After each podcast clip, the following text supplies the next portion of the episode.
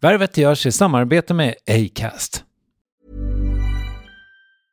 Many of us have those stubborn pounds that seem impossible to lose, no matter how good we eat or how hard we work out. My solution is PlushCare. PlushCare is a leading telehealth provider with doctors who are there for you day and night to partner with you in your weight loss journey. They can prescribe FDA-approved weight loss medications like Wagovi and Zeppound for those who qualify. Plus, they accept most insurance plans. To get started, visit plushcare.com slash weight loss. That's plushcare.com slash weight loss. It's that time of the year. Your vacation is coming up. You can already hear the beach waves, feel the warm breeze, relax, and think about work. You really, really want it all to work out while you're away. Monday.com gives you and the team that peace of mind. When all work is on one platform and everyone's in sync, things just flow wherever you are. Tap the banner to go to Monday.com. Hey, it's Ryan Reynolds, and I'm here with Keith, co star of my upcoming film, If, only in theaters, May 17th. Do you want to tell people the big news? All right, I'll do it. Sign up now and you'll get unlimited for $15 a month in six months of Paramount Plus Essential Plan on us. Mintmobile.com slash switch. Upfront payment of $45 equivalent to $15 per month. Unlimited over 40 gigabytes per month. Face lower speeds. Videos at 480p. Active Mint customers by 531.24 get six months of Paramount Plus Essential Plan. Auto renews after six months. Offer ends May 31st, 2024. Separate Paramount Plus registration required. Terms and conditions apply if rated PG. Värvet presenteras i samarbete med Nasonex, utomhusmöjliggöraren, som de inte kallar sig av någon märklig anledning. Men det är i alla fall Sveriges mest köpta antiinflammatoriska nässpray mot allergisk snuva. Och nu kommer ett litet test, så fram med papper och penna du som lyssnar, nu kör vi. Fråga 1. Vill du vara ute mer i naturen? Fråga 2. Sitter du framför en skärm lite för mycket? Fråga 3. Är du allergisk? Om du har svarat ja på någon av frågorna så tycker jag att du ska bege dig till beanoutsider.se. Jag vill för övrigt poängtera att Nasonex nässpray är ett receptfritt läkemedel från 18 år för behandling av symptom vid säsongsbunden och perenn allergisk snuva. Rådfråga läkare om du är eller tror dig vara gravid eller ammar eller om du planerar att skaffa barn, har en obehandlad infektion i näsan, nyligen har genomgått en näsoperation eller har en skada i näsan. Får ingen effekt inom 14 dagar eller om du redan använder läkemedel med kortison ska du kontakta läkare. Använd ej mer än tre månader utan läkarkontakt. Stort tack Nasonex och beanoutsider.se. Varför tycker jag det är så jobbigt ibland med sociala sammanhang? Jo, för att jag förväntas vara rolig och det handlar ju också om krav på sig själv. Så det har säkert varit ett skydd i så här, jag vill inte att det ska bli en dålig stämning. Jag tar på mig det här. I förlängningen kan bli utmattande då. När man är på en möhippa i ett dygn med 15 tindrande ögon som jag tror då vill ha en show av mig.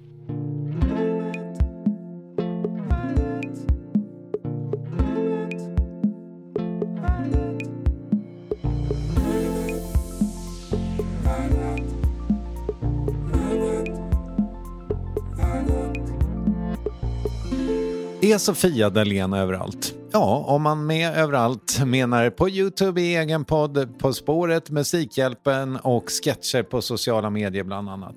Och huruvida det finns en strategi för det där, var hon syns, hur revy blev en stor del av hennes liv och huruvida att bli ihop med en tjej skapade reaktioner i bibelbältet, det avhandlas i Värvets eh, avsnitt 611 som inleds med en avslappningsövning. Här är Sofia Dalén. Och när du känt efter, efter känslor, så går vi vidare till tankarna. Vad är det som snurrar där uppe? Se om du kan notera dem och sen släppa taget om dem. Och med alla de här fokuspunkterna med kroppen, andetaget, känslorna och tankarna så kan du sakta återkomma till det här rummet. Och innan du öppnar ögonen så tänker jag att du ska liksom försöka, om det går, om du känner dig mottaglig och avslappnad, att du försöker bibehålla den känslan i kroppen på något sätt. Så. Välkommen till Värvet. Tack. Händer det något? Ja, det där är så skönt. Mm. du märkte säkert när jag kom in att jag är en lite så här virvelvindsperson. Och så vill jag prata och, och sen så fort jag blundar så, blir, så snurrar det i huvudet. Alltså jag blir så här yr typ av att göra den här grejen. Men vi fick mindfulness-seminarium en gång på Sveriges Radio. En otrolig förmån måste jag säga. Med en underbar kvinna som heter Kristina Spegel. Tydligen gammal skådis. Men alltså hon var så bra. Och jag var väldigt anti så här att göra de här sittningarna. Att man skulle landa in inför de här mötena. För jag tänkte, jag är redan närvarande. Du vet som man tänker. Jag kom direkt från gymmet och hade kört ett lunchpass. Och, och eh, sen när jag väl kom ner i varv och satte siffror på andetagen och sen väl fick öppna ögonen, då var det som att allting var kristallklart. Och Vilket jag trodde att det var innan, men det var, var det absolut inte. Precis, du har ju lite sådana här grejer för dig. Ja. Räknar ner eh, när du inte kan sova och sådär. Ja. Alltså från att jag fyllde 30 så blir jag så här, då går jag gärna in mer och mer i olika klyschor. Någonting som så här en ironisk 20 någonting inte kan röra vid ju.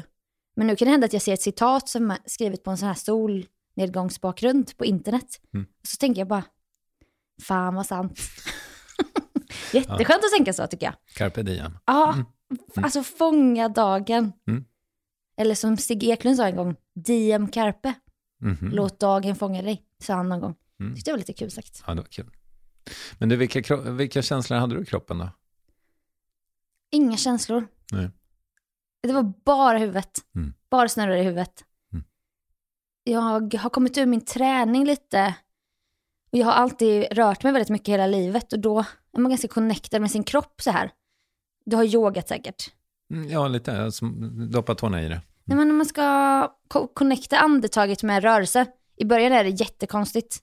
Det känns fel och varför ska jag andas in när jag lyfter upp armarna och sånt. Men sen när man lär sig det där så är det så skönt att känna att man lär känna sin kropp. Och jag har dansat mycket och då var det också mycket känna sin kropp. Just nu har jag kommit ur det lite. Och det är tråkigt för mig. Mm.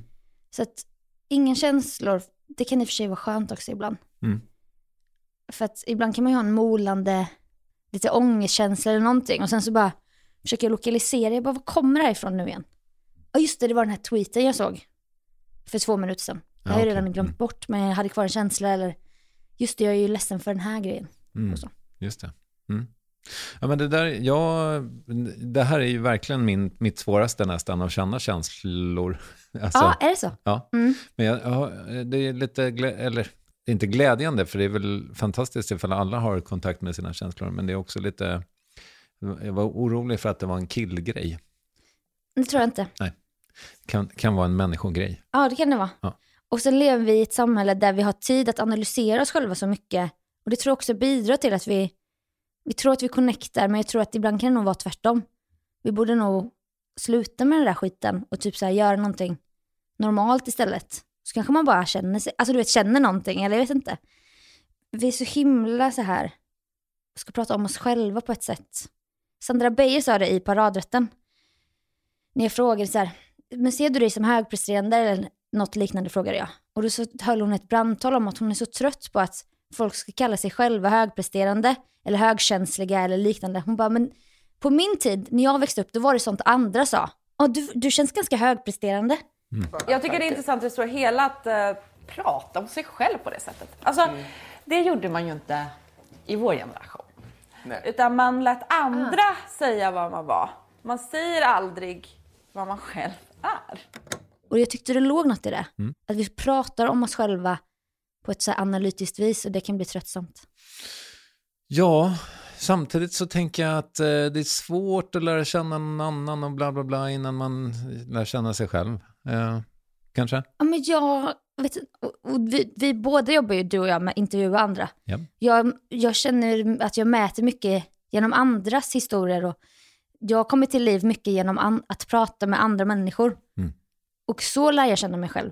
Ja, jo men I så är det för mötet. mig också. Mm. Mm.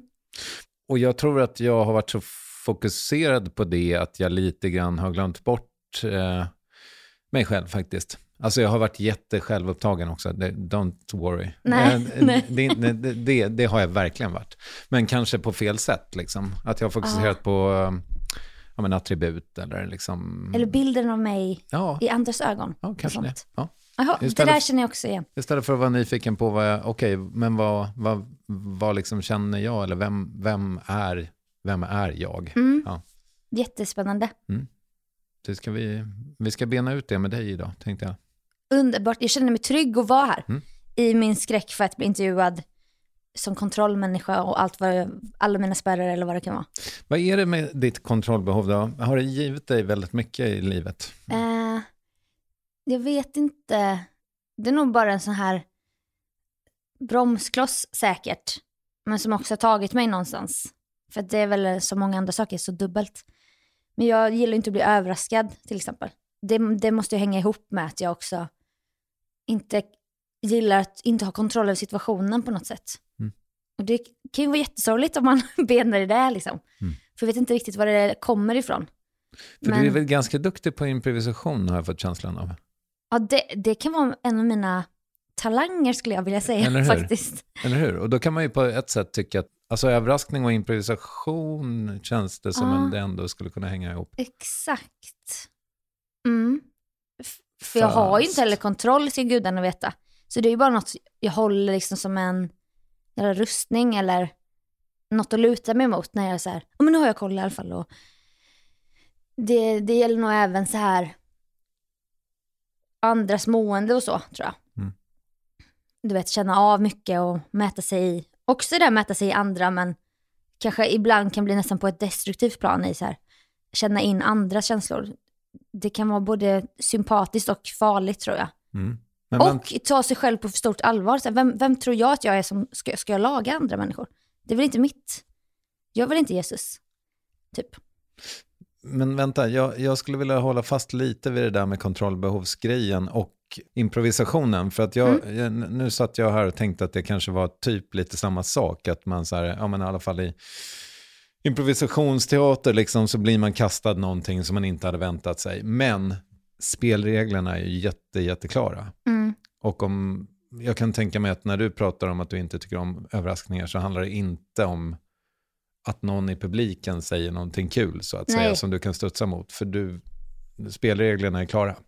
Alltså att stå på en scen eller att hå- hålla i en publik eller liksom, det är ju det bästa som finns tycker jag. Mm. Så det här med överraskningen är mer på ett personligt plan. Mm. Och det är ju spännande. För att eh, det kan vara kul att prata om rädslor med folk. Och man har så olika rädslor. Och många stora rädslor kanske att prata inför andra eller rädd att göra bort sig eller jag, jag har inga sådana känslor. Jag känner mig så trygg där. Men om någon överraskar mig på min 30-årsdag, vad fan, vad, vad händer nu typ? Så det är nog rent så med re, de närmsta relationerna Mm. på något sätt. Och det kan ju säkert vara tvärtom från många andra. Ja, har du tänkt lite grann kring det här med kärleksspråk? Mm, mycket. Ja, nu är ju inte överraskning det sjätte kärleksspråket, men det skulle kunna vara. Det har ju något, jag älskar ju att överraska andra. Ja, Så att ja du ser. det finns ju något i ansträngningen, hemlighetsmakeriet, att hitta på en rolig knorr Mm. och liksom naila det här grejen. Liksom.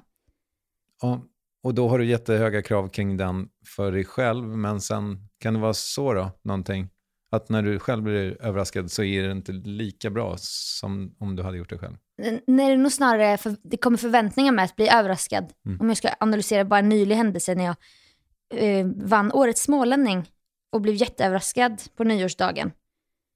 Då är det, det förväntas sig en reaktion, ska jag skratta, kanske gråta, bli glad, säga något smart.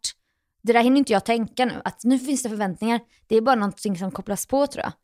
Och då blir jag istället helt fryst. Jaha, okej. Det blir tomt i huvudet, Mm. jag kan inte le, jag, jag ser inte ledsen ut, så jag blir helt tom i, bollen liksom. Ja, okej. Mm. Alltså det känns ju som en eh, så orimligt stor ära måste jag säga. Det, jag, eller? Vad tänkte du när du eh, vände dig om och såg alla oss här? Nej men jag blev, blev helt, det bara frös till i hjärnan. Jag klarar inte av riktigt att bli överraskad. Ja, men vet du vad? Jag tänker mig att det är liksom, för där, där blir det ju ändå en yrkessituation för dig på något sätt, som Ja, du inte hade mm. väntat dig. Och det är mycket, mycket, mycket lättare att göra ett jobb ifall man vet vad det går ut på. Eller liksom just spelreglerna. Men jag tycker, jag tycker det. Ja. Man behöver inte alltid hålla på att överraska. Varför ska det vara, varför ska det rätta svaret vara att man ska älska och bli överraskad? Mm. för nu sitter jag och känner att jag gör fel här som inte gillar det. Liksom. Mm. Men då kan jag lika väl, nej jag håller med. Hade någon sagt så här, kan inte du komma till den här radioinspelningen? Det kommer hända något kul. Hoppas du vill komma. Ja, just det. Då, Mm. då kanske jag visste lite i alla fall. Sådär. Sätt på dig smink på ögonen. Typ. Ja. Eh, du såg att jag inte hade smink om du har sett det här. jag lagt det på min Insta. Otroligt chockad. Men det var ju jättekul. Jag ska inte överanalysera den grejen. Men det är bara spännande då att jag... Mycket jag själv inte gillar, gillar jag att göra för andra. Mm. Skrämma, överraska, Mm. Intervjua. Vi, ska, vi återkommer till rädslor, tror jag. Mm. Ehm, jag säger alltid sånt där och så gör jag aldrig det. Och så måste man klippa bort det. Så önskar man att man var en Filip och Fredrik som kunde hitta tillbaka till en tråd och sånt. Ja, men det, Det funkar ibland men inte alltid. Inte, inte som dem, de är otroliga på Mm. det. Fyra, de kan göra fyra, fem olika ämnen och Så de- alla går i mål. Jag vet. Får man i alla fall känslan av. De knyter ihop den här jävla säcken. Tänk om de inte gör det, Vi kanske har blivit lurade hela den här tiden. eller hur? Det är dags att granska dem. Eh, nej, eh, men du, jo men jag tänker på så här, för när jag eh, gick igenom mina tankar så var det ju att du är så jävla het just nu. Mm. Överallt. Ja. Alltså värvet till och Ja. med. Nej men jag vet. Då är det ju, Nej men det är, alltså, det blir inte större. det blir inte större. Men Exakt. så är det ju. Och då, ja, min känsla blir ju så här, fan nu har han slut på gäster. Mm. Stackars Kristoffer Triumf. Mm. Nu ska jag komma hit så ska han leka intresserad av mig. Mm. Sen vet jag att du är intresserad av människor. Mm. Men eh, jag känner verkligen så. Det, det, det gick jättebra att bli, eh, bli nyfiken av dig, Okej, på dig. detta säger jag inte för att fiska, det är verkligen min känsla. Jag bara, jag pratar gärna med andra människor, jag kan vara rolig i andras historier, men ska jag sitta här och svara på frågor? Det tror jag inte. Ja, vi, vi, nu är jag ändå här, Kristoffer Triumf. Exakt. Jag tror att det kommer att ordna sig. Men jag funderade på det här med att vara överallt och vara så het liksom, och till och med få åka till eh, Småland och, och uppträda för eh, McDonalds. Eh, är det Ja, liksom, Företagsgig. är det, hur känns det då? Eh, Att jätte, vara överallt? Jättekonstigt eftersom att det att vara överallt har också varit en, en grej som jag har tänkt att jag inte ska vara. Utan att nämna andras namn så har jag bara, mm, den där personen är lite väl överallt och jag är både strategisk och inte men jag kanske har tänkt så här, för mig är den här långa linjen viktig i många saker. Dels att hålla i någonting under lång tid rent jobbmässigt, en podd eller en YouTube-serie eller så. Trovärdighet jätteviktigt att liksom hålla länge, inte ha kort brintid, alltså allt det där. För jag vill ju jobba med det här länge och testa massa olika saker. Och den här för en, eller väldigt så här snabba tiden gör kanske att fler poppar upp och försvinner. Mm. Och då menar jag inte att jag behöver vara het så här i min karriär hela tiden. Men man vill inte heller att någon ska tröttna på en och bara det här jävla ansiktet igen. Mm. Nu får hon sluta med sitt, sitt skal eller vad hon håller på med. Som folk som nu skriver. Varför har du mask på dig? Du behöver inte ha en mask. Skriver de det? Om det? Ja, några skriver, skriver det ibland när, när fler hittar till paradrätten nu så. Ofta när det kanske är nya som inte har satt sig in i mitt språk eller min ton eller min och Kalles vänskap eller liknande. Mm. Då kan det komma sådana. Ja, okej. Det är ju spä- både spännande och alltså kränkande såklart. Tar du åt dig? Jag är så dålig på att ta kritik ibland. För jag tycker att jag ger ju det jag kan. Och det finns ingen skyldighet att så här ge allt. Det finns ju många sådana profiler. Som man upplever i alla fall ger sitt innersta. Mm. Eh, Jag kanske inte är en sån person. De flesta är ju snälla. Mm. Alltså som klyschan lyder. Det räcker med en dålig kommentar för att man ska ta illa upp. Eh, Det är verkligen sant. Mm. Klyschorna återigen. Mm. Jag älskar klyschor. Men nu lät det lite grann som att du ändå, alltså om du är så strategisk, om du är rädd för den korta brintiden så att säga, Mm. då, är det ju, då borde du ju kanske ha tackat nej till något av de grejerna och sagt så här, men vet ni vad, jag är jättegärna med På spåret, men kan vi ta det nästa år? Ja, och jag tackar ju också nej och har gjort det andra år. Ah, okej. Mm. Eh, som jag tänker så här, det där kommer nog någon annan gång. Mm. På spåret känns det som att, kommer den frågan, därom tvistade lärde för många, skulle jag aldrig tacka ja till På spåret. Och jag har nog glömt lite, vad gjorde jag 2023? Min impuls säger mig att jag inte gjorde massa stora tv-grejer. Mm. Men sen kom På spåret och Musikhjälpen och liksom kom samtidigt. Och det var ju såklart en sån grej jag hade kunnat krit- kritisera någon annan för. Och bara, åh, alltså välj lite med omsorg. Mm. Men, ehm, Men det är svårt när det är tre månader mellan inspelningarna också kanske? Eller, ja, men också kul. Jag, alltså, jag älskar ju den där skiten. Mm. Jag älskar radio, jag älskar, jag älskar inte alltid tv, men underhållning. Och då om någon frågar, vill du och Kalle vara med På spåret? Då kände inte jag för att säga nej, även om det var läskigt för att det finns en så kallad fallhöjd. Nu kanske det inte finns det i mitt fall, för jag är inte en uttalat intellektuell vetenskapsjournalist eller liknande. Mm. Så det var ju bara en rolig erfarenhet. Försökte jag intala mig dagarna innan inspelningen när jag tänkte så här, varför gör jag det här? Och så tänkte jag, just det, det är ett underhållningsprogram. Jag jobbar ju med underhållning. Mm. Vill de ha experterna, ja då skulle de inte ringt mig. Ja, just det. kan ju Mm. andra fylla de skorna. Mm. Lena Nordlund eller Johan Hilton. Ja, just det, att man kan, vara liksom, man kan vara bra fast man inte är, är duktig. Ja, Mm. och så talas det bakom kulisserna om att man kan vinna allmänbildningsmatchen. Men man kan också vinna underhållningsmatchen. Nu säger inte jag vilken av dem jag och Kalle vann. Nej. Men vi hade pluspoäng på ena sidan av Ja. ett av dessa Mm. rubriker. Jag fattar. Ja. Ja.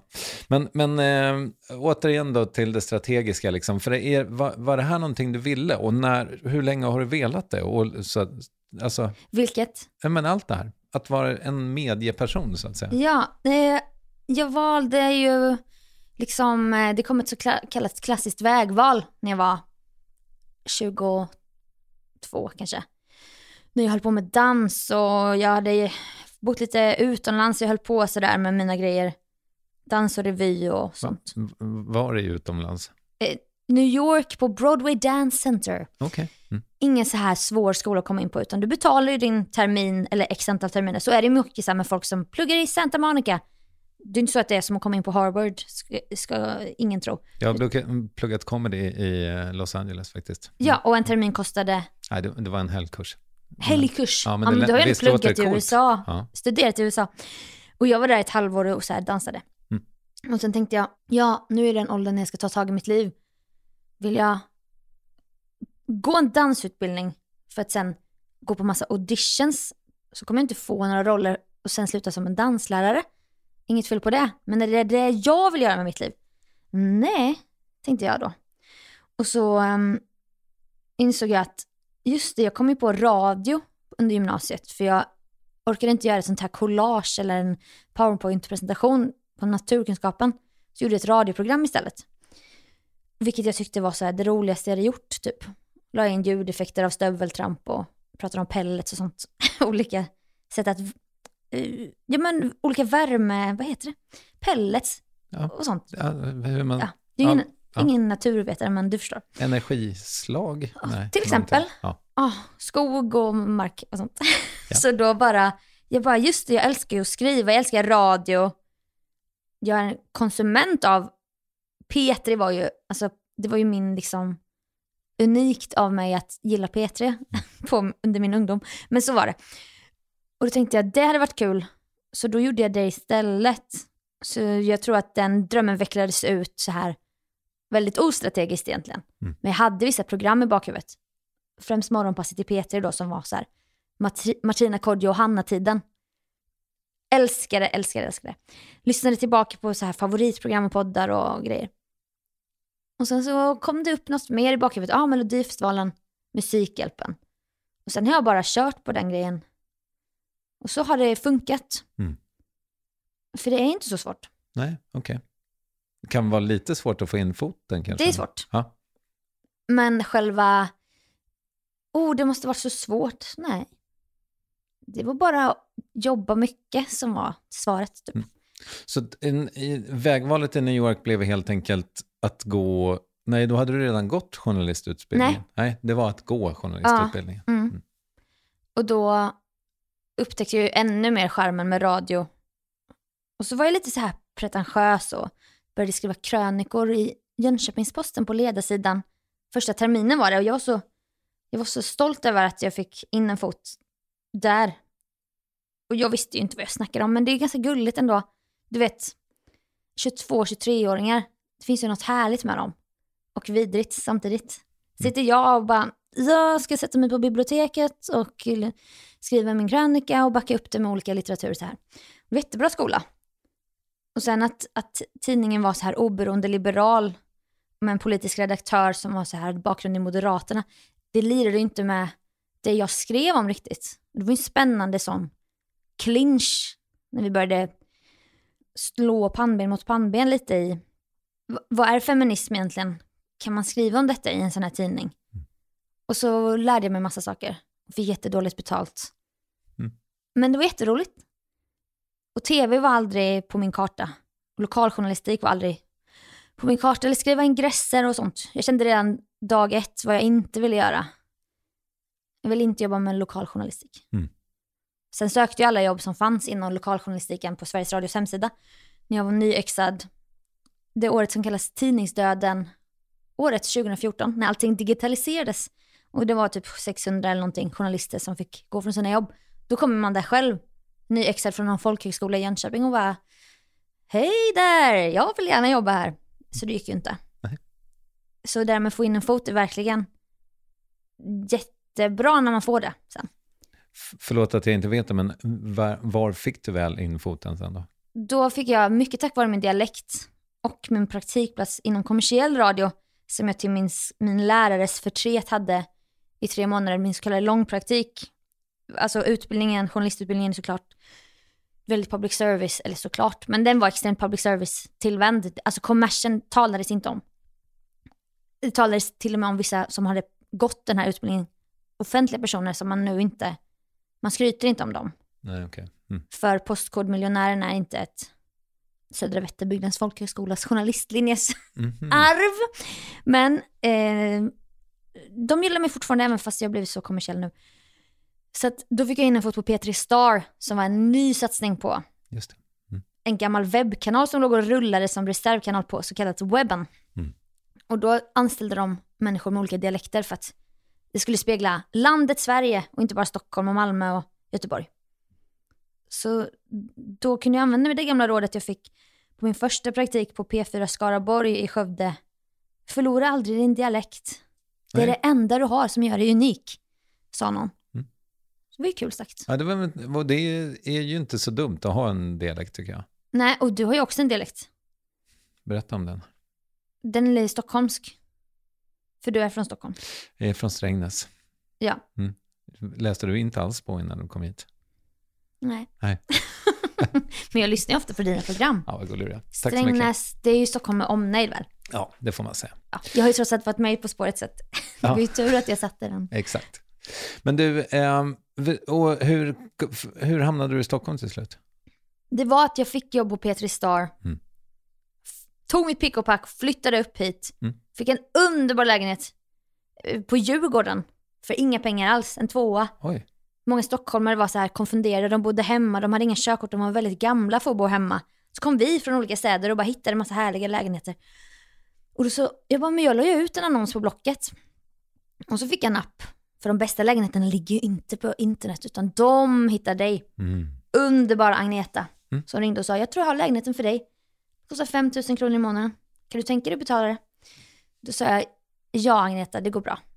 Och så kunde jag cykla varje dag till Sveriges Radio. Otroligt. Alltså det var så underbart. Mm. Jag kunde köpa mat på Gröna Lund så här varje dag. För man får ett VIP-kort när man bor på Djurgården. Till Skansen och Gröna Lund. Ja. Som en förmån. Jag vet inte om det är så här bullerkompensation eller något. Men där köpte jag min mat, för det finns inga matbutiker på Djurgården. Nej, just det. det var en mm. underbar tid. Det låter som det. Mm. Mm. Och ibland åkte jag en karusell på Gröna Lund och kände hur lycklig jag var. Mm. Och någon gång så skrek jag så här, jag älskar mitt liv. Jag åkte i någon sån här berg dalbana. För det var det jag gjorde. Mm. Älskade ditt liv. Ja, mm. älskade. Mm. Och jag älskar fortfarande mitt liv. Men det var så, det var något med att vara 25, nykär, nytt jobb, ny stad, slippa att gå i mina egna gamla fotspår hemma i Jönköping. Mm. Eftersom att jag två år tidigare då hade varit i New York den käftsmällen att komma hem till Jönköping och springa runt Munksjön istället för att springa så här över Brooklyn Bridge. Det är fru alltså fruktansvärt deppigt. Mm. Så jag älskar att komma till Stockholm. Sen har det inte varit så här att jag velat ta mig in i någon cool klick eller så och det tror jag har hjälpt mig för att då hade jag säkert känt att det var stängt. För att det finns ju sådana klickar. Mm. Men jag har inte varit så intresserad av dem. Och då har det liksom inte gjort någonting. Och just därför har de älskat dig antar jag, eller? Eh, klickarna? Ja. Mm, ja, men kanske på ett guilty pleasure-plan i alla fall när jag började göra sketcher på Insta. Bara, du är rolig. Mm. Och så. Men jag är fascinerad av dem, de coola. Du vet vilka jag menar. Mm, inte exakt. Nej men de coola, alltså de här, de har så ett par tusen följare bara på Insta. Men de, de har liksom inträde i alla rum. Mm. Och de går på rave och de tar säkert jättemycket droger och har så här jättecoola dyra sneakers men vintagekläder. Och så en jättedyr mössa från ett rätt märke. Alltså de gör allting rätt och de har så här fina lägenheter på Söder och nepo baby-känsla kring dem. Kan, kan man få ett litet namn? Nej men det är hela den här, äh, varav vissa jobbar på Gott Snack, du vet. De pluggar ju också psykologi, men de är också radioprofiler. Jag, alltså jag är så fascinerad av dem. Jag vill skriva en bok om dem. Mm. Men jag har aldrig känt att jag är så här, och jag måste vara med dem. Så jag har ju bara hittat massa olika vänner i olika sammanhang. Och det har varit jätteskönt. Jag har typ aldrig känt att jag vill åka på Way Out West. Och sitta på någon re- regnig så här VIP-avdelning med skivbolagsmänniskor. Jag är inte intresserad Jag av gjorde, det. jag gjorde det sist. Ja, hur var det då? Ja, det var regnigt. Det var Men var det också vidrig stämning? Nej, Det var det härligt typ? Har ni kul där? Ja, det var helt okej. Okej. Håkan var ganska bra. Du, du känner honom regnade. mycket väl eller? Nej, det gör jag verkligen inte. Nej, min Ja. stora idol. Jag har träffat honom en gång. Oh, jag också. Hur var det för dig? Det var, jag, jag tog en bild med honom på Rockbjörnens efterfest 2016. Fan också. Det borde jag också ha gjort. Sen började jag snorgråta när han gick sin väg. Mm. Och jag stapplade väl fram några ord om att han hade betytt mycket, men unikt för honom att höra det. Liksom. Ja. Från någon gammal poppare. Liksom. Ja, nej, jag tog ingen bild. Det finns inget... Eh, Inget bevis på att du har Nej. träffat honom. Men det var när jag var ung och het. Och eh, det var också på Rockbjörnen. Men du, Det där händer. eh, ja, men det här är intressant för att jag, det, jag undrar om det här, är det här en konflikt i dig på något sätt? Att du, för du sa i tv för ett par år sedan att du liksom är en tönt. Ja, jag säger det ibland. Mm. Och det är pinsamt att säga.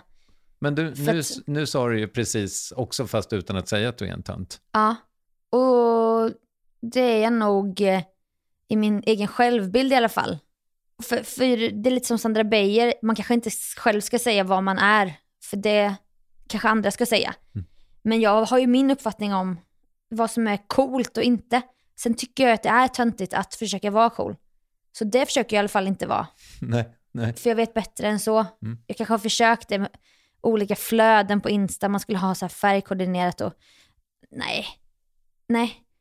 Så att eh, tönt, ja. Men jag älskar också andra töntar. Och det är ofta de jag blir vän med.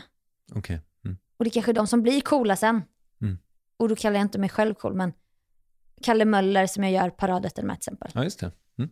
Han var liksom inte den populära killen på Östra Real. Nej. Men jag tycker han är jättecool. Han, han har en unik stil. Ja, det får man säga. Personlighetsmässigt och Mm. klädmässigt. Väldigt duktig på att hålla på med konsten också. Jätteduktig. Och väldigt allmänbildad, förkovrad person. Ja. Beundrar mycket. Snyggt. Mm. Eh, men jag tror att väldigt, väldigt, väldigt många som lyssnar kanske kan relatera till det där att man inte är liksom... Det finns någon klick som man inte är välkommen i då. Eller att, att Ja. man inte känner sig välkommen i det. Nej, precis. Och då kan ju det spela olika stor roll för en. Ja. Det låter inte som att det spelar jättestor roll för dig. Nej, det gör inte det. Och då tänker jag ju mer jag bara fortsätter göra så kallat min grej med mina vänner och folk som jag gillar så kommer ju det bli jättebra för mig. Jag är säkert en strävare på andra sätt än så här att vara i rätt klick eller så. Mm. Men eh, så har det inte alltid varit såklart. Men vänta, vart strävar du då? Nej, men jag vill väl skapa mig ett jättehärligt liv där jag inte behöver så här vända på slantarna eller jag är ganska lat så att jag vill liksom bara ha det gött. Mm. typ. Men, men, Och jag vill ha fina saker hemma och jag vill ha ett hus och jag vill, det låter väldigt materialistiskt, må så vara då. Men det är liksom, det är säkert någonting i mig som vill komma bort lite från, nej men allt som jag kommer ifrån. Utan att ta bort värderingar utan mer så här, men jag vill, jag vill gå in på Svensk Tenn och köpa någonting. Eller jag vill resa dit och dit då. Så där kan jag ju sträva.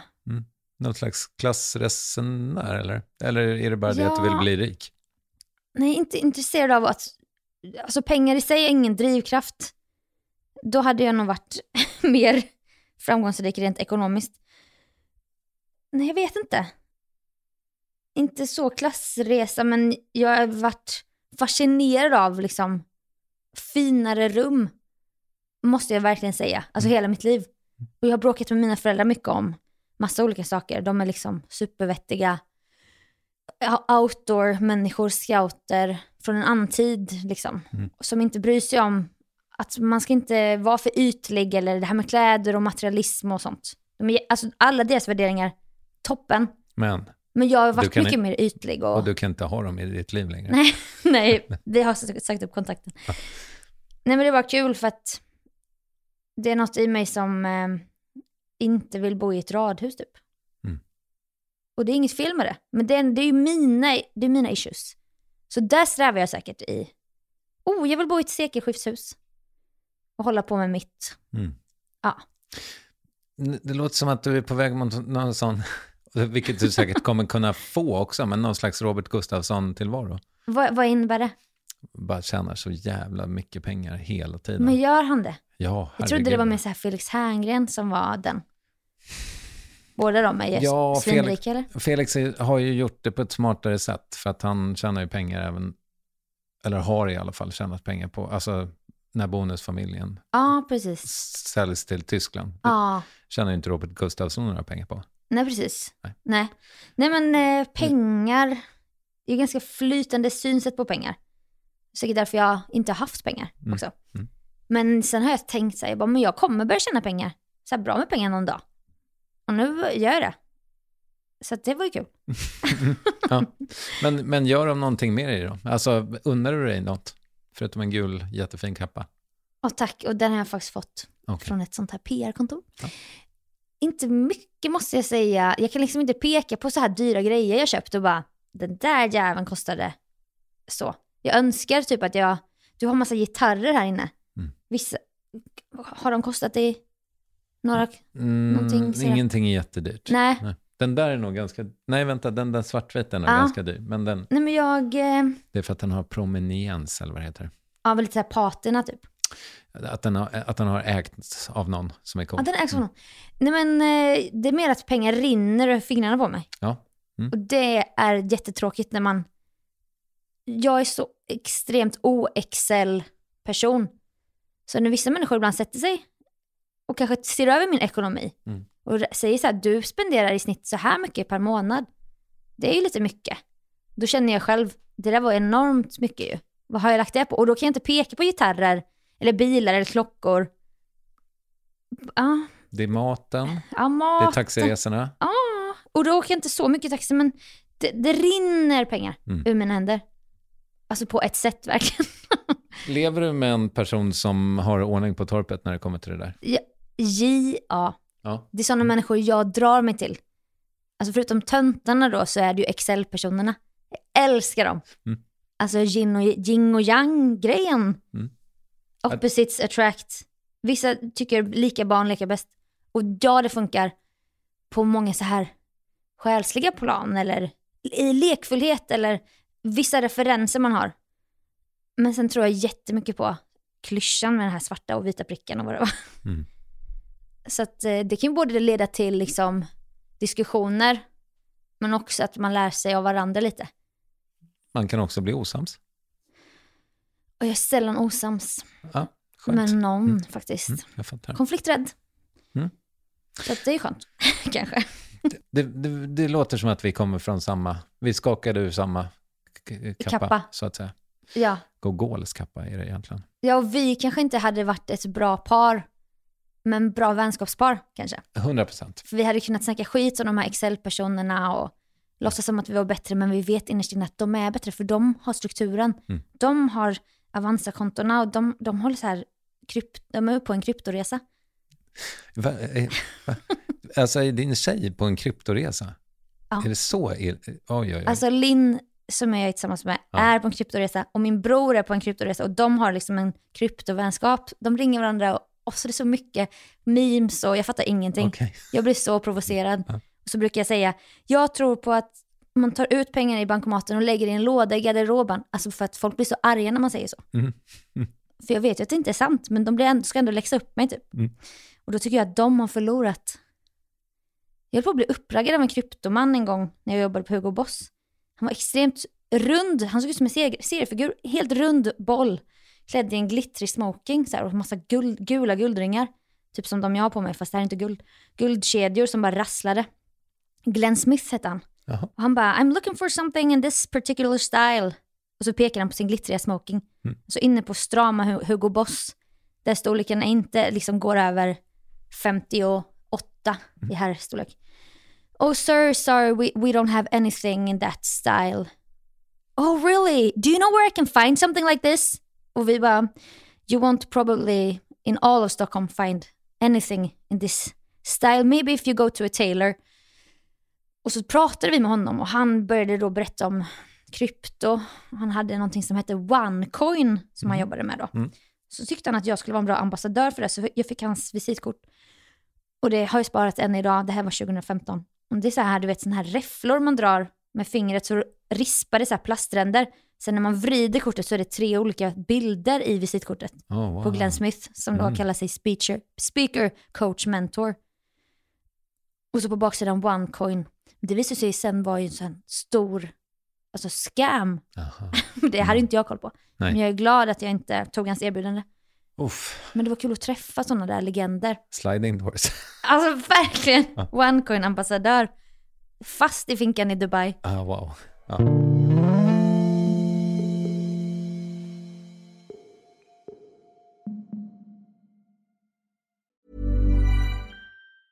It's that time of the year.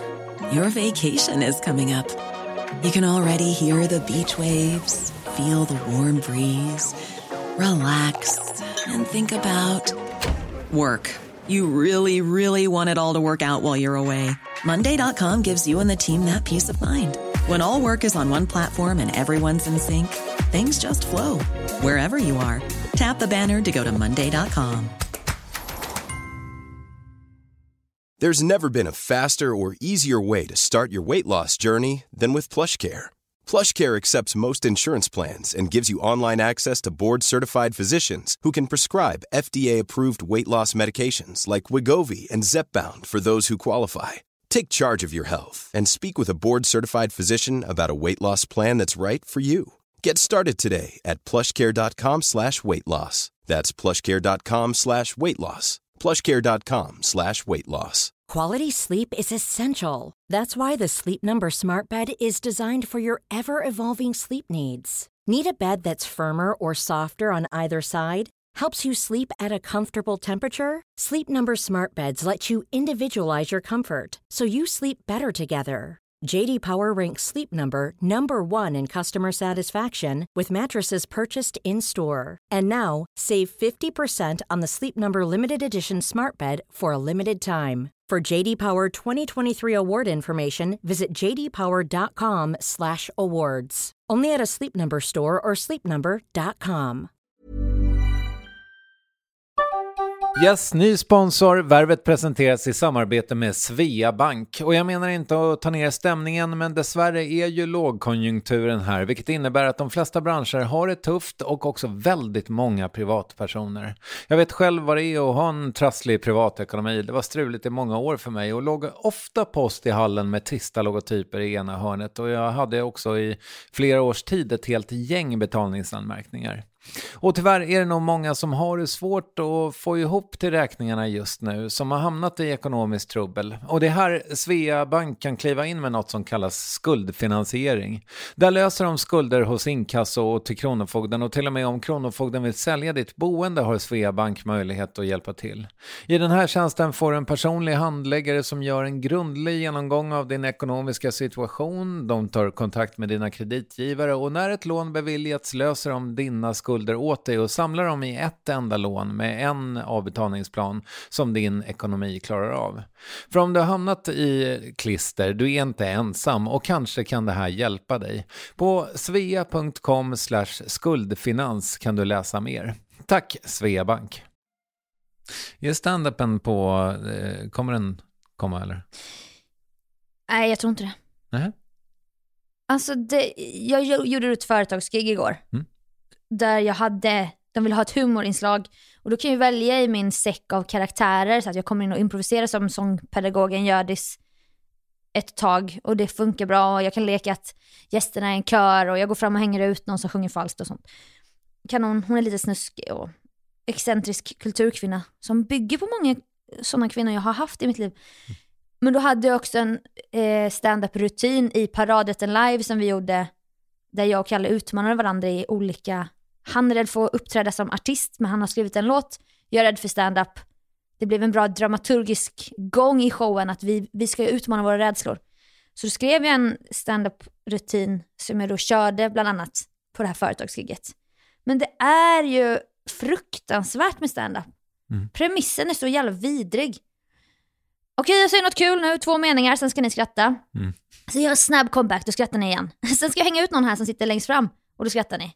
Och då måste jag vara kvick som fan. Alltså för mig är det så här, det ultimata att ställa sig på stu- alltså randen av stupet. Och då är jag ändå en rolig person som är bra på att improvisera. Ja, är- som kan skriva också Ja. roligt material. Mm. Detta säger inte för att skryta, utan det är så här jag jobbar. Och jag vet detta. Men det skrämmer mig något så fruktansvärt.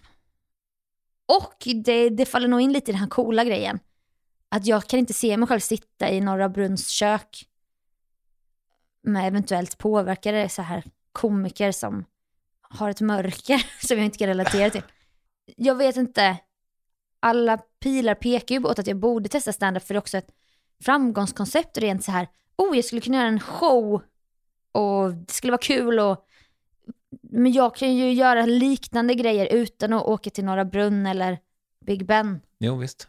tänker jag. Ja. Och Linnea Wikblad är en sån förebild. Hon har aldrig testat stand-up. Nej. Hon är ändå Sveriges roligaste kvinna. Det är sant. Så att... ehm, Du har ju varit inne i stand-upen. Ja. Var det liksom kanonkul eller var det fruktansvärt? Eh, Det var både och tycker jag. Och det är ganska, det som är kul är att det är svårt.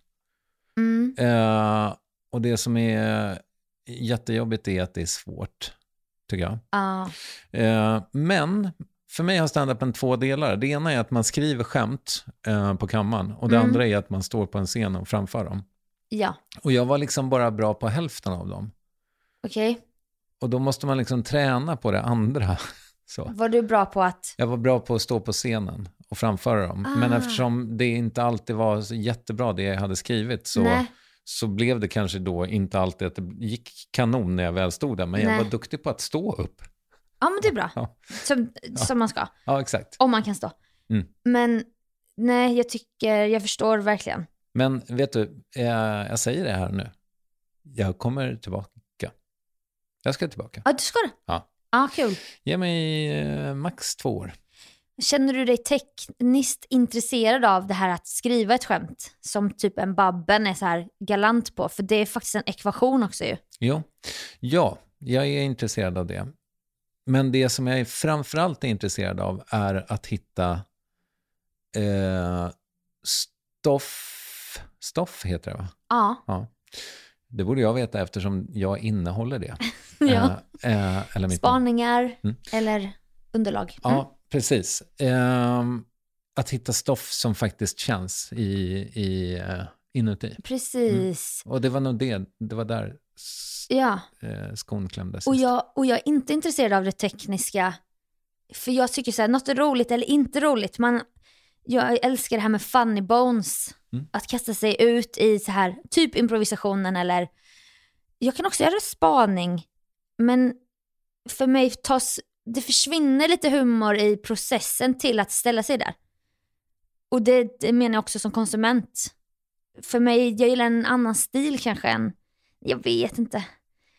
Men ibland blir jag så tillfredsställd också. Som nu såg jag ett program där Kristoffer Nyqvist körde en rutin. Och jag blev, du vet, själen skrattade mycket. Ja. För att jag bara, fy fan han är rolig, duktig, lågmäld. Han vågar vara tyst och allt det där som jag inte vågar. Jag klarar inte av att vara tyst för att eventuellt tänka på vad jag ska säga. Jag tänker när jag låter munnen gå. Och då kan jag rabbla bort mig också. Och liksom så. Jag blev så imponerad och glad av att se honom. Va, vad var det för rut- rutin?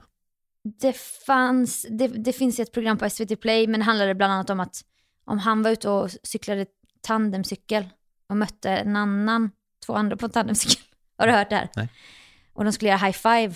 Då började han bolla om hur många high fives blir det? Och så tog- han upp en tjej på scen och så skulle de testa det här. Mm. Jag hade inte kunnat göra det här kul. Nej. Men han gjorde det så kul.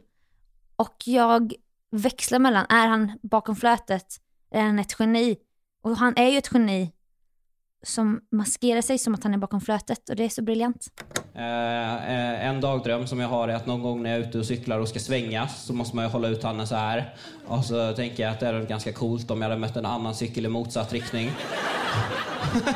Som så också ska svänga så det bara blir en sån high five. Eh, men att vi liksom båda fortsätter att cykla utan att göra en grej av det. Men är liksom fullt medvetna om att vi båda bevittnat ett historiskt ögonblick. Men du, eh, en grej som man liksom, som till exempel, nu är jag lite skickligare än att bara gå till Wikipedia såklart, men eh, eh, om man nu vill läsa på om dig och om man nu gör det bara på Wikipedia, ja då får man inte veta att revy är, ett, är en stor del av ditt liv till exempel. Nej. Nej. Och vem har upprättat den där Wikipedia-sidan? För fram till typ ett och ett halvt år sedan så var det, när man sökte på Sofia Dalén så kom det upp Sofia-dalen, en dal i Bulgarien. Mhm. Med en bild på dalen och sen en bild på mig. Okej. Alltså en rolig så här mashup. Ja. Så sen har ju någon gjort en Wikipedia-sida. Ja. Och då har den inte koll på det och det är inte så konstigt. Men eh, revy har ju blivit, alltså kommit och gått kan man säga. Jag gjorde det i min tidiga 20-årsålder i Jönköping. Och nu gör jag det igen i Åkersberga. Okej. Mm. Och min medieresa till trots så har jag ändå hittat tillbaka till dans, teater, humor grejen. Mm. Och det har blivit så bra för det känns som att jag hittar hem lite i det. Va, va, liksom, var börjar och slutar ditt engagemang där då? Alltså skriver du där också? Och, Mm. ja. Mm. Så vi började så här, när man väl har tackat ja då till att göra den här jävla revyn som man känner. För man kommer ur den här bubblan och då när frågan kommer i så maj, juni, då blir man så här, "Uff, nej, uff, nej, nej, nej, nej. Jag orkar inte med ett år till. För att det tar fruktansvärt mycket tid. Alltså vi repar ju två till fyra gånger i veckan hela hösten. Och då har folk liksom jobb och familjer och det är fantastiskt att de här människorna får ihop det här, för det är ideellt ska sägas. Då börjar vi skriva och vi har workshops och vi kastar upp ämnen och vi går igenom året som gått för revy. Det är då en humorföreställning som bygger på det gångna året. I alla fall en nyårsrevy som jag är aktiv inom. Liksom. Och det är en jättebra skola för att jag kanske inte då kan eller vill skriva stand-up just nu i mitt liv. Men jag vill jättegärna lära mig skriva sketcher för scen. Mm. Med mina idoler i ryggsäcken, Galenskaparna, och Reuter och Skog och Peter Dalle och sen också Grotesco och dem. Mm. Det är jätte, så här, rolig utmaning. Om du tycker det, det är svårt med stand-up för att det är svårt att skriva och det är svårt att framföra det. Det är samma med alltså att skriva humor överlag skulle jag säga. Mm. Ja. Och då har jag en jättebra vän och mentor, regissören Robin Mur, som är liksom otroligt skicklig manusförfattare, som då för noll kronor ger det här till en sån som mig och andra i revyn som vill lära sig skriva. Det är en jättelyxig möjlighet som jag gärna tar. Och du, nej, du, du är bäst i Sverige på det här? Nej, men du, tar- du tänker mina två SM-guld. Ja, Ja, exakt. Mm. Eh, Alltså revy-SM, får ni chansen att åka på den någon gång, kära lyssnare, gör det. För det är en bizarr vecka i någon så här, ofta en håla någonstans i Sverige. Och så tävlar man då i den här konstiga humorformen i olika kategorier, varav då jag har varit med och vunnit två olika kategorier med olika revyer.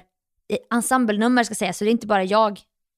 Jag- kan prata om det som det är mina två SM-guld och sånt. Men det gör jag för komisk effekt, för att det låter kul. Mm. Ja, att vara SM-medaljör och så vidare. Mm. Var var det sist? Oskarshamn. Ja. Och det är ju ingen håla såklart, så skriv inte in till redaktionen nu och skicka inga fler handskrivna hatbrev. Och då vann Åkersberga-revyn i kategorin lokalt nummer. Och det var jättekul. Häftigt. Och Mm. varför blev det just eh, Åkersberga? För att jag träffade den här Robin Mur på Melodifestivalen. Mm. Han skrev manus till David Sundin, Lina Hedlund och Linnea Wikblad. Och sen frågade han mig 2021 efter ett ganska jobbigt melloår, pandemiår. Vi var fast på Annexet med pipande nyckelband. Så fort man kom nära någon så pep det. Och då var jag trött på kändisar. För då var jag så här, jag orkar inte sitta ett år till och klippa de här jädra sociala medievideorna med de här 28 underbara människorna såklart. Men det blev väldigt mycket samma. Hur kändes det? Vad är din strategi nu inför finalen? Vad, vad tar du med dig för, inför andra chansen? Mm. Alltså jag var trött på den grejen. Och då när Robin frågade, vill du göra revy i Åkersberga nästa år, den här perioden, istället för att jobba med Melodifestivalen, Mm. då ska, sa jag ja. Mm. Som jag, man ju inte bör säkert. Ideell re- revy kontra Melodifestivalen. Men det var så bra beslut. Vägvalen ändå man gör. Mm. Kul i efterhand. Ja. Fan, det blir lite hattigt. Det här borde jag ha pratat om för länge sedan. Men, men skitsamma. För att du kommer ju liksom från... Kommer du ens från själva Jönköping eller är det liksom lite utanför? Alltså fem kilometer utanför Ja, jag tänkte det. ett så här bostadsområde Mm. som heter Grästorp. Med radhus. Ja, radhus. Och alltså, det är inte en kulturfamilj du kommer ifrån. Du är inte en nepo baby. Eh, inte Nepo baby, men eh, intellektuell familj i någon mån ändå, Mm. skulle jag säga. Mina föräldrar är väldigt intresserade av kultur och media och det har höglästs ur diverse helgmorgontidningar. Och gått på, alltså inte så här, vi åker till Stockholm och går på operan. Men de är liksom intellektuella personer. Så att det, har jag fått med mig ändå. Mm. Både med så här böcker och lite så här mini, lite dikter och det kan vara så här. Ingen, ingen så här humorbakgrund, även om båda mina föräldrar har liksom visat sig vara spexare ändå. Inom sina skrån typ. Okej. Pappa på scouterna, mamma som förskollärare, sedan rektor, olika utklädnader och peruker och hålla anföranden på roliga sätt. Men vänta, jobbar din pappa till och med med scouterna? Nej, han är scout sedan över 50 år. Det är också ideellt då. Ja. Fin tradition. Men yrkesmässigt? Yrkesmässigt eh, jobba som enhetschef på Jönköpings kommun. Ja, Inom så här avlopp och värme och sånt. Mm. Pellets och sånt, nej det är det inte. Men säkert vattenrening Mm. och så. Elektriker i grunden, men nu då någon slags chef. Får du betalt varje gång du säger pellets? Ja, det får jag. Mm. Samarbete. Mm. Grattis. Tack. Nej men eh, någonting har de ju gjort tänker jag för att, eh, eller du kanske också, det här kanske också kommer från ett fördomsraster, men jag, men jag tänker bara att, att det liksom är, eh, att det är möjligt att åka till New York eh, och plugga dans, eller att det är möjligt att liksom, Mm. vid, alltså att man ska in på radion. Liksom. Ja, precis. Jag tror eh, min mamma har haft mycket sånt perspektiv. i Så här, ut och res, fastna inte i en kvinnofälla, flytta inte ihop för tidigt med era pojkvänner, eh, plugga. Inte sen ni måste plugga och liksom så, men vi har nog blivit presenterade för så här. Det finns ett liv att leva. Mm. Så att det, det har nog gett lite så här, både inspiration och eld i baken i att man faktiskt ska göra saker i livet. Mm. Och det uppskattar jag jättemycket. Och sen är vi sys- tre syskon väldigt olika. Men vi är nog ganska bra på att carpe diem typ. Mm. och göra saker vi tycker om. Mm. Det är mycket så här roliga resor, matlagning, intressen, Mm. humor och så. Musikaler och Låter som ni älskar er- era liv. Ja, jag vet inte. Vi... Jo, men det gör vi nog. Mm. Jag har ju skrikit till mina föräldrar ibland, om jag då inte har kunnat tåla eventuell kritik och så genom livet, så bara Ni fattar inte hur bra vi tre är! Vilken tur ni har haft med oss barn! För att det finns ju många som har jättehemska öden i diverse missbruksproblem eller hamna snett eller träffa en dum kompis som ledde en in på en bana så här. Och det har inte mina föräldrar behövt genomlida. Nej. Och då har jag behövt skrika det ibland. Jag skriker inte så, men markera. Vi har fan skött oss bra. Och det vill vi ha cred för. Ja. Så klagar du, men jag är också duktig typ. Ja. Härligt. Mm. Men du, det, det här är ju ändå mörkaste bibelbältet, tänker jag. Var, var det liksom på något sätt, tog det emot och liksom, jag vet inte om man säger, har du kommit ut? Jag kommer eh, ja precis, det är också en diskussion, det har jag väl gjort i så här samhällets heteronormativa ögon, Mm. som jag själv har haft hela mitt liv, eftersom att jag bara varit tillsammans med killar tidigare. Eh, Inget i form av att det var, tog emot för att jag är uppväxt i bibelbältet, och jag kommer inte från en familj med eh, kristen bakgrund. Nej, men du har ju liksom inte, du har inte fått hatbrev från, eller att, Nej, inte fått hat från någon. eller att Smålands kommun är det såklart inte, vill, vill ta tillbaka diplomet när Nej, men de ut. har, de har någon Pride-festival där i Jönköping. Mm.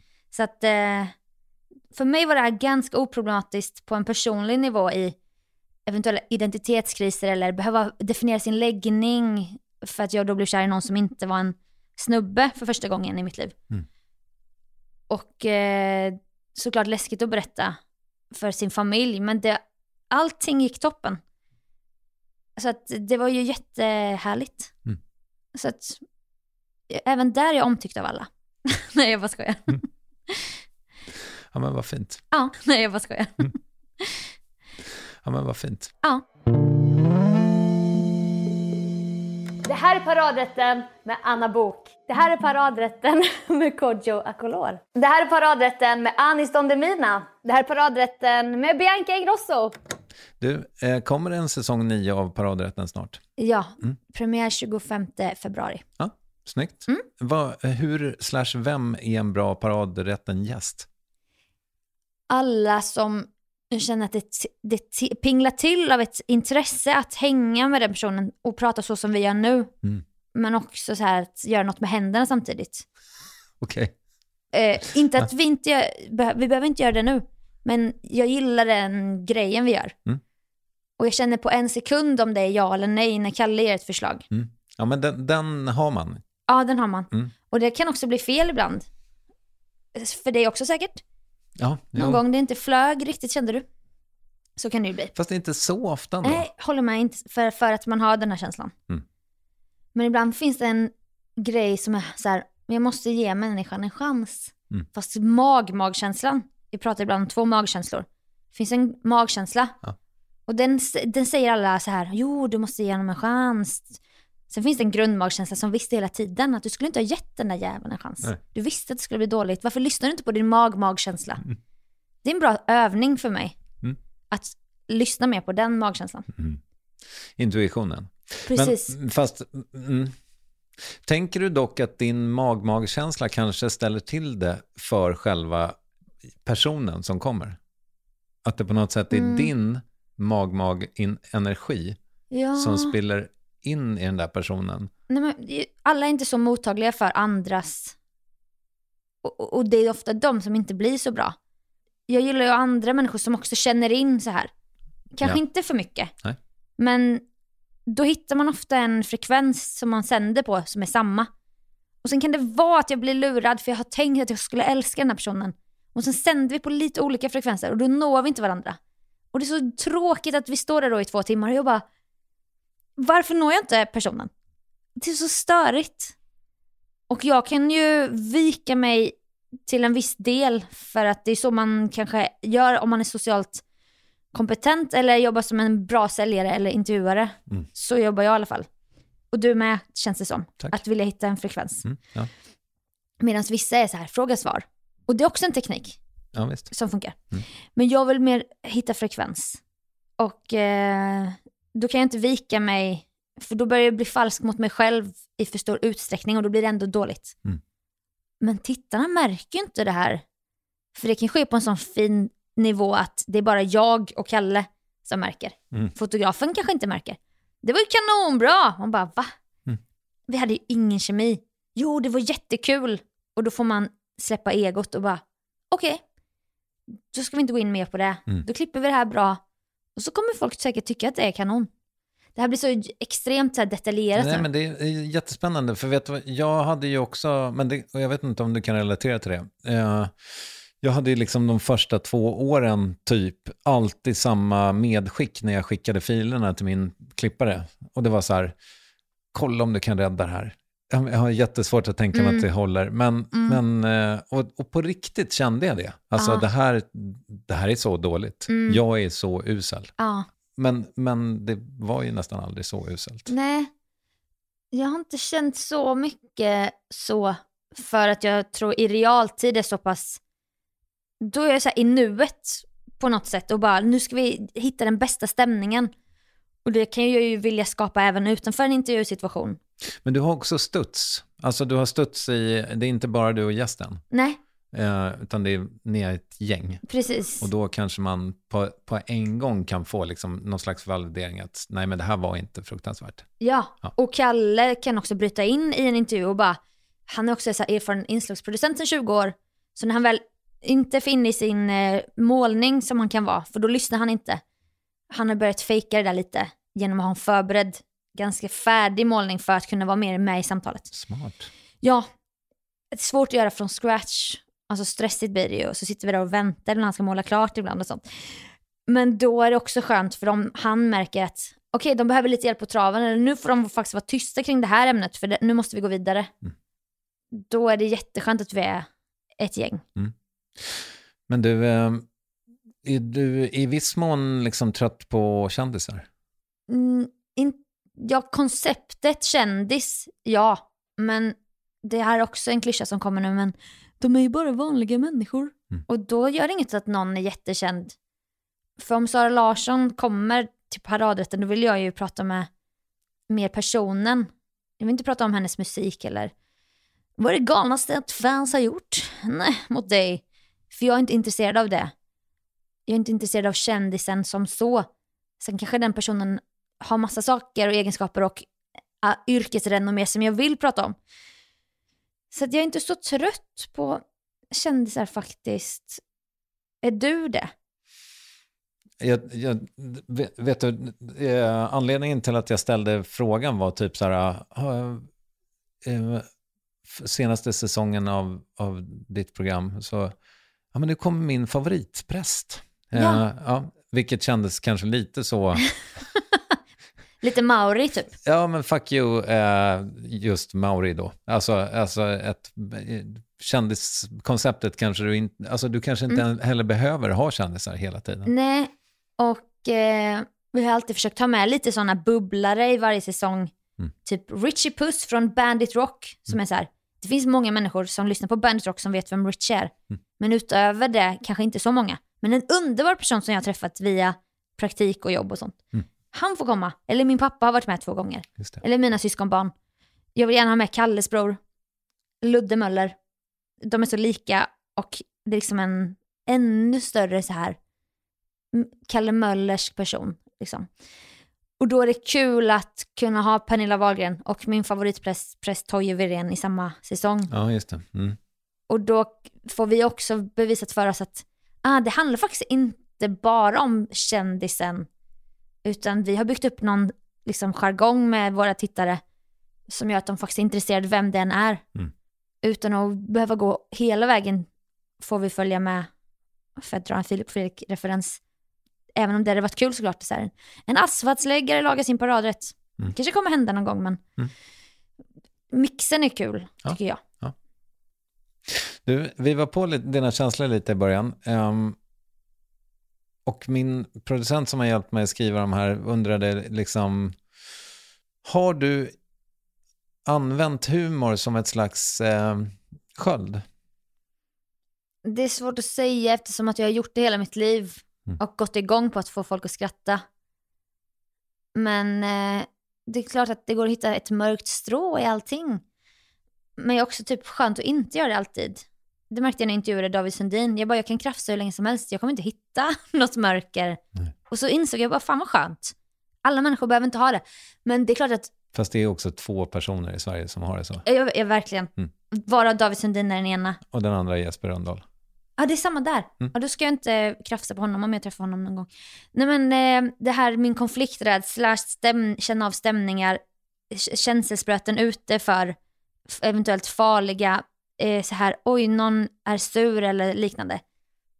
Där är ju humor ett toppengrepp och har varit för mig i så här att muntra upp någon eller vara klassens clown eller rädda mig i olika situationer. jag måste ändå besitta någon form av, jag tror inte bara det kan vara ett skydd för att man måste också vara rolig. Mm. Annars hade jag inte kunnat jobba med det här. Sen är det så svårt för det smälter ihop i så här, varför tycker jag det är så jobbigt ibland med sociala sammanhang? Jo, för att jag förväntas vara rolig och jag känner in så mycket, alltså jag är inte andlig eller någonting, men jag vet inte hur mycket energi du känner in. Du kanske relaterar, eller någon som lyssnar. Och det handlar ju också om krav på sig själv. Att, att då tycka det är jobbigt att behöva prestera rent humormässigt. Så det har säkert varit ett skydd i så här, jag vill inte att det ska bli en dålig stämning. Jag tar på mig det här. Gänget, jag löser det här. Inga problem. I förlängningen kan bli utmattande då. När man är på en möhippa i ett dygn med 15 tindrande ögon, ögonpar av härliga tjejor som jag tror då vill ha en show av mig. Och då ger dem det och sen går jag in i väggen rent socialt efter några timmar. Mm.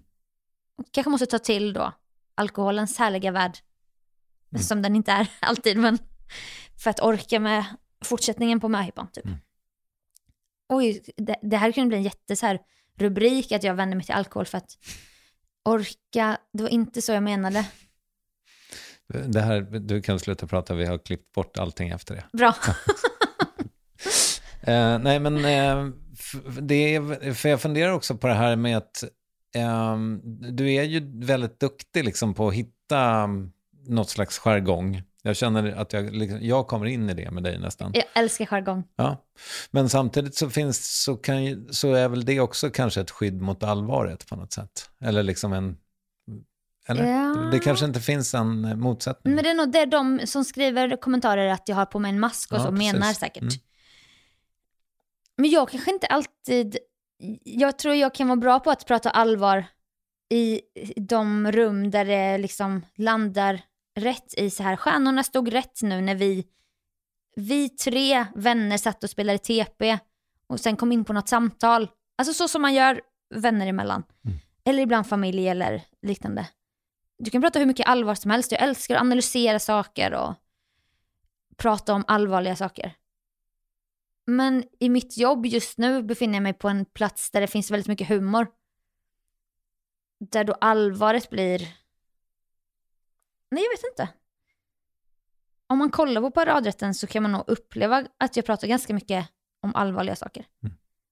Men om man bara slår på Karina Bergfeldt eller min Insta så kommer man inte hitta det. Eller att jag raljerar eller... Det, det går ju det, det, går inte, det är svårt att skapa sig en nyanserad bild av någon.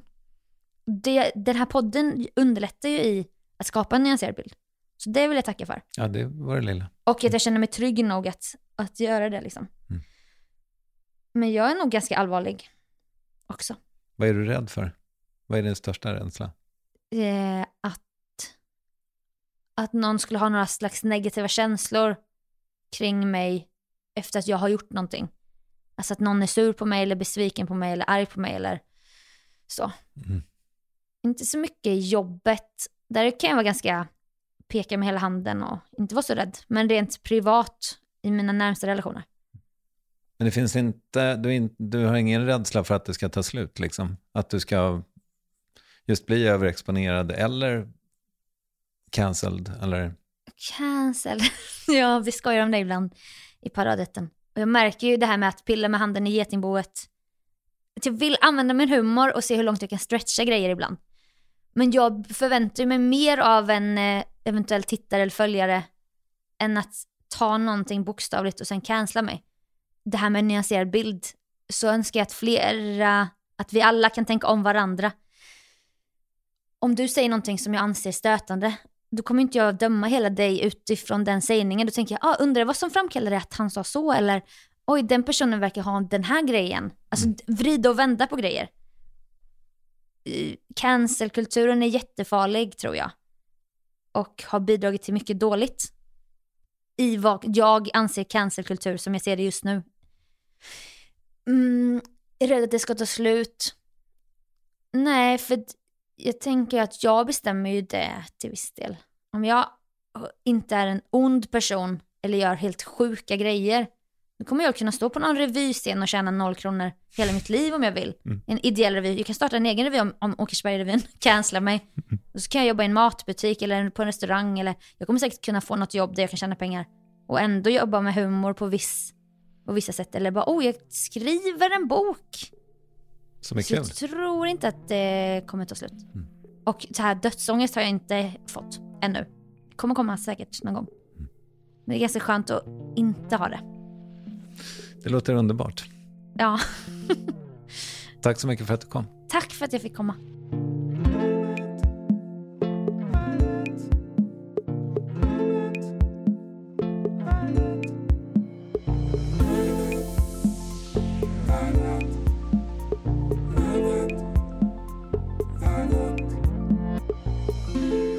Nu är det så mycket som händer kring Sofia, men som sagt aktuell i slutet av februari med en ny säsong av fina mattalkshowen eh, Paradrätten på ett Youtube nära dig. Samt i Åkersberga-revyn, men den är slutsåld resten av säsongen. Värvet produceras av Ninni Westin, leds av mig, Kristoffer Triumf och hostas av Acast. Vi hörs om max en vecka, eh, hoppas jag innerligt. Hej svej!